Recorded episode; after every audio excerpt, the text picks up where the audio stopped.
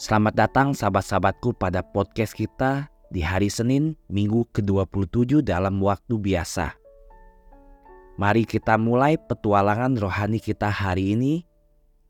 Ada seorang ahli kitab bertanya kepada Yesus, "Siapakah sesamaku?" Yesus menjawab, "Ada seorang yang turun dari Yerusalem ke Yeriko.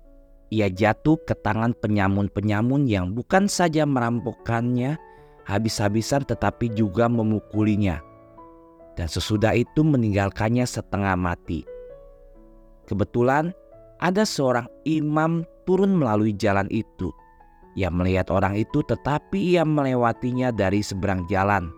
Kemudian juga seorang Lewi datang ke tempat itu ketika melihat orang itu dia melewati dari seberang jalan juga.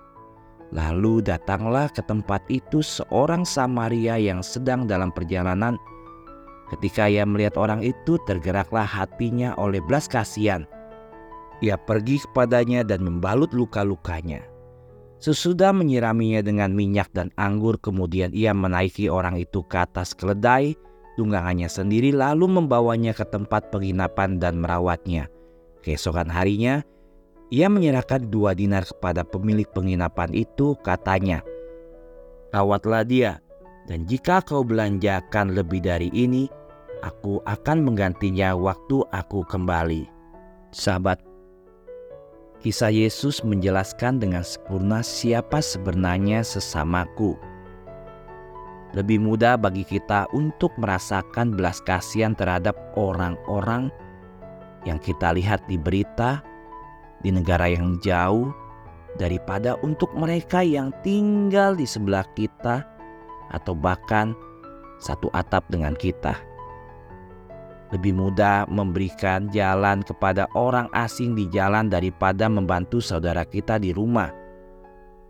Lebih mudah untuk memberikan kursi kepada seseorang yang tidak kita kenal di kereta daripada membantu ibu kita di rumah. Siapakah sesamamu?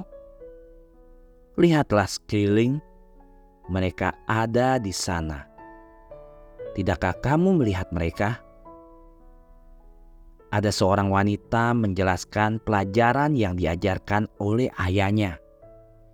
Suatu malam saat makan malam, ibunya meletakkan sepiring selai dan sepotong roti yang sangat hangus di atas meja.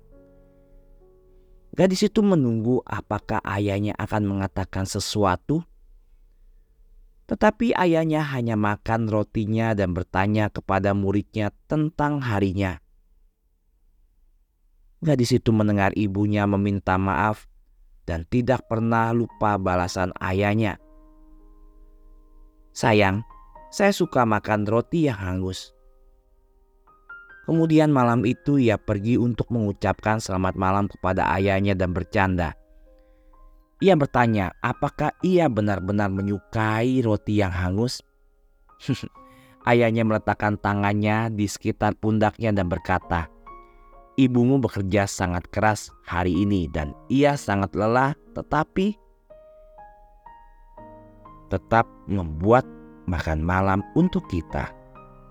Selain itu, roti yang hangus tidak pernah menyakitkan siapa pun, tetapi kata-kata yang kasar atau sembrono bisa melakukannya. Siapa sesamamu lihat sekeliling sahabat. Berhati-hatilah dan kamu akan melihat sesamamu dalam orang yang duduk di depanmu saat sarapan, dalam kereta, di kelas, di tempat olahraga, di jalan. Jadilah berwaspada, karena Allah melihat bagaimana kamu memperlakukan anak-anaknya. Maria ibuku, ajarilah aku mencintai sesamaku seperti yang kau lakukan, karena mereka juga adalah anak-anakmu. Bunda Maria harapan kita dan tata kebijaksanaan, doakanlah kami.